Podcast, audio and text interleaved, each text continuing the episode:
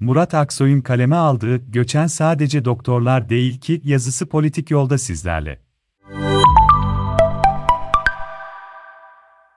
AK Parti Genel Başkanı ve Cumhurbaşkanı Erdoğan, son dönemde doktorların yoğun biçimde yurt dışına gidişleri üzerine, yurt dışına giderlerse gitsinler yerlerini yeni mezunlarla doldururuz açıklamasında bulundu. Dahası konuşmasında bu gidişlerin nedeninin salt ekonomik olduğunu ima etti. Peki gerçekten böyle mi? Dahası sorun sadece son dönemde artan doktorların göçü mü? İlk olarak doktorların göçü üzerine konuşursak, göç nedenlerinin temeli ekonomik değil. İkincisi ise göç eden sadece doktorlar değil. Türkiye'nin içinde olduğu ekonomik, hukuki ve siyasi istikrar sorunları sadece maddi kayıplara neden olmuyor, aynı zamanda beşeri sermaye kayıplarına yol açıyor. Beşeri kayıpların başında beyin göçü geliyor. Beyin göçü, vasıflı, kalifiye insanların yetiştikleri ülkeyi terk etmesi ya da yetiştirilmek için gönderildikleri ülkelerden geri dönmemesi olarak tanımlanabilir. Bu durum, bir ülkenin yetiştirdiği vasıflı insanların, yetiştikleri ülkeden başka bir ülkeye gitmesi ya da yatırım yapılarak başka ülkelere yetiştirilmek üzere gönderilenlerin ülkeye dönmemesi,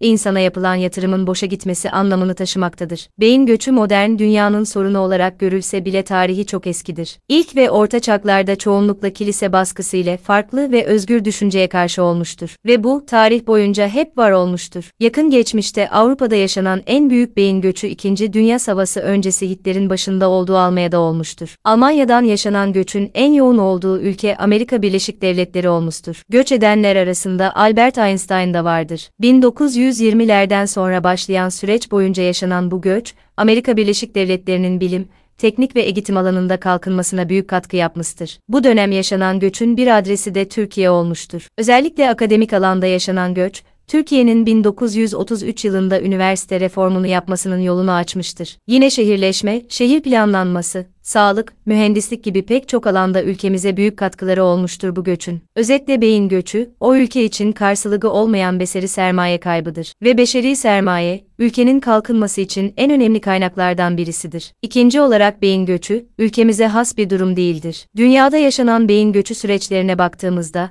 yönün sürekli olarak gelişmiş ülkelere doğru olduğunu görürüz. Yani beyin göçü, gelişmekte olan ülkelerin sorunudur. Bu anlamda beyin göçü, gelişmekte olan ülkelerden gelişmiş ülkelere sadece beşeri değil ekonomik anlamda da bir kaynak transferdir. Türkiye'nin kaynak harcayarak gittiği, yetiştirdiği gençler başka ülkelere gidiyor. Üstelik bu göç, sadece gençlerle sınırlı değil. Orta yaş grubundan insanların da bu kapsamda yurt dışına gittiklerini yurt dışına yapılan iş başvurularından ve vatandaşlık arayanların artışından, araştırmalardan görüyoruz. Son yıllarda gençler, akademisyenler ve son olarak doktorlar yoğun biçimde ülkeyi terk ediyorlar. Neden yetişmiş nitelikli insan gücümüz yani beşeri sermayemiz, her yıl artan oranda yurt dışına kaçıyor. Beyin göçünün nedenini açıklamak için pek çok kişisel neden öne sürerek mümkündür. Ama bunun temel nedeni, göç veren ülkenin işsizlik, çalışma koşullarının olumsuzluğu, doktorlar özelinde şiddet ve bunun karşılığında cezasının, özgürlük, yaşam tarzı ve hepsini kapsayan bir demokrasi ve özgürlük sorunudur. Ülkede hukukun evrensel normlardan uzaklaşması,